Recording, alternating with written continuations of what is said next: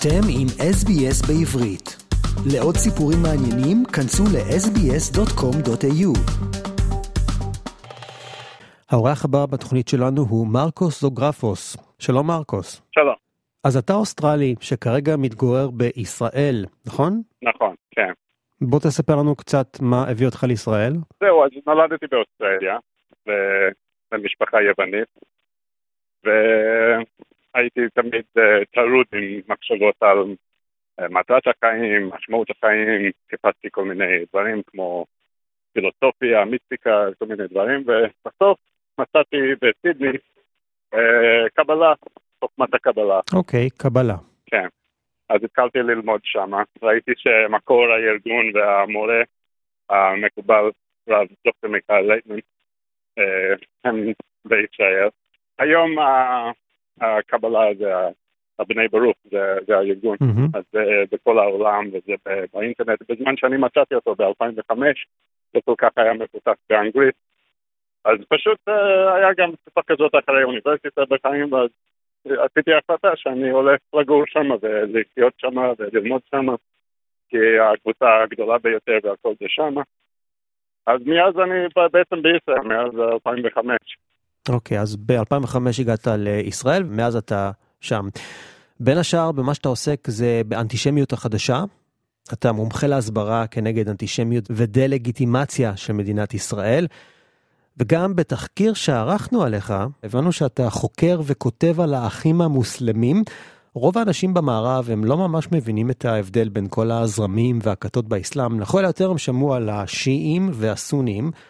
למה חשוב להבין את הרקע ההיסטורי ואת המטרות של האחים המוסלמים?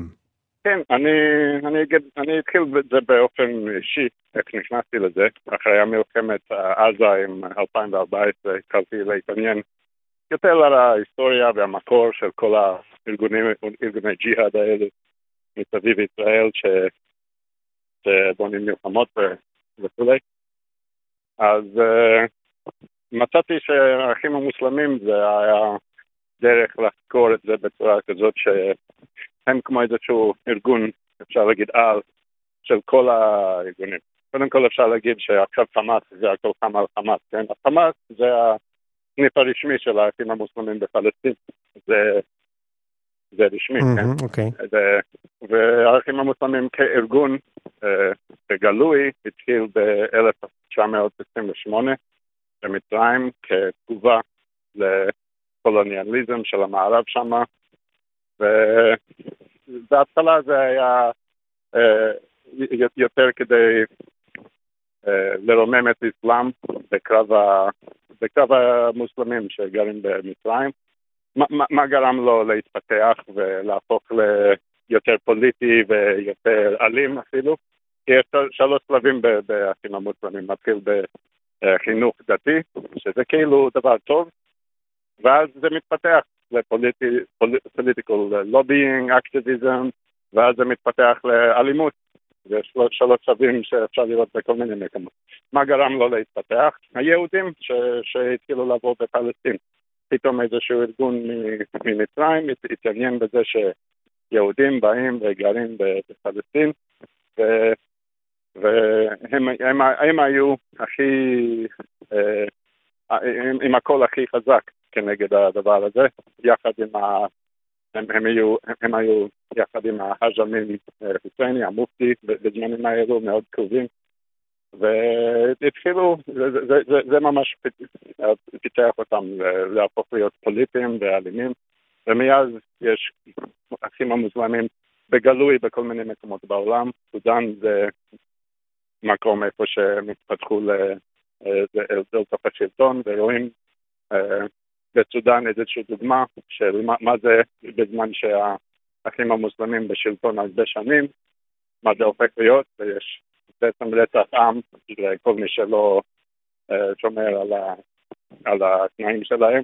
ובמקומות אחרים זה, זה פשוט, זה מתפשט בכל, בכל דבר, האם זה דאעש, זה אנשים שהתחילו להיות אחים המוסלמים ויצאו משם, אל-קאעידה, גם חמאס, שזה רשמי, ויש קשרים לכל אחד, אצבולה, יש קשר, איראן מאז 1979, וכולי וכולי, אפשר לראות קשרים בכל אחד מהם, וזה כמו איזשהו, וגם באוסטרליה ארגונים, אתה רוצה להגיד, ובצפון אמריקה ובאירופה, שם עובדים יותר בסמוי, דרך כל מיני ארגונים, לוקחים כל מיני NGOs וכאלה, ועובדים דרכם כדי להעביר כספים וזה, וכן, מאוד מפותח בעולם ומאוד רחב הנושא הזה. זאת אומרת שמה שאני מבין מדבריך זה שבעצם הם נמצאים בכל מקום בעולם כבר, אם זה גם באוסטרליה, גם באירופה, גם בצפון אמריקה, כמו שהזכרת, NGO זה Non-Governmental Organizations, זאת אומרת, הם מקבלים תמיכה דרך ארגונים לא ממשלתיים.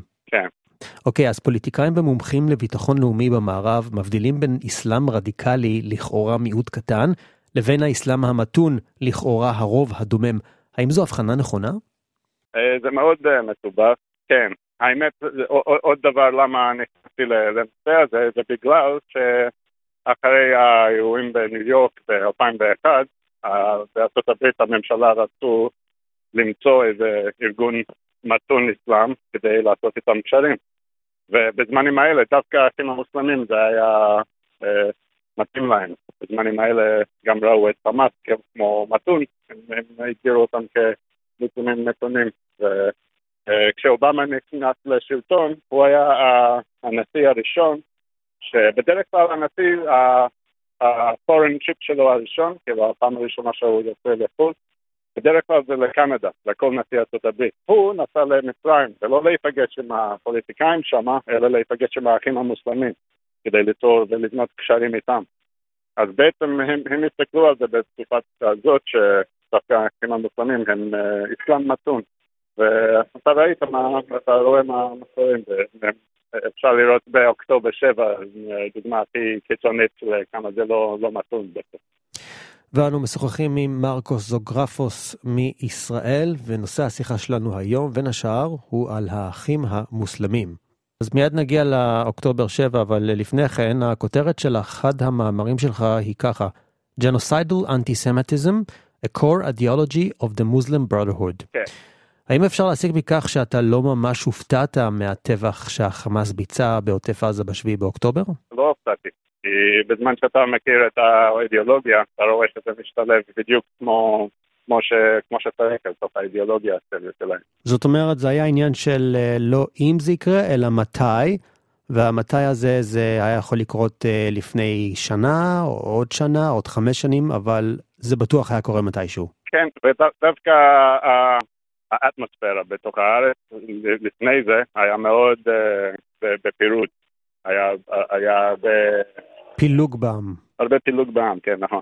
זה, זה גם כן משהו שהאידיאולוגים של הג'יהאדיסטים מסתכלים על זה כמשהו, זה נותן להם חיזוק כדי לפעול כנגד יהודים בעצם.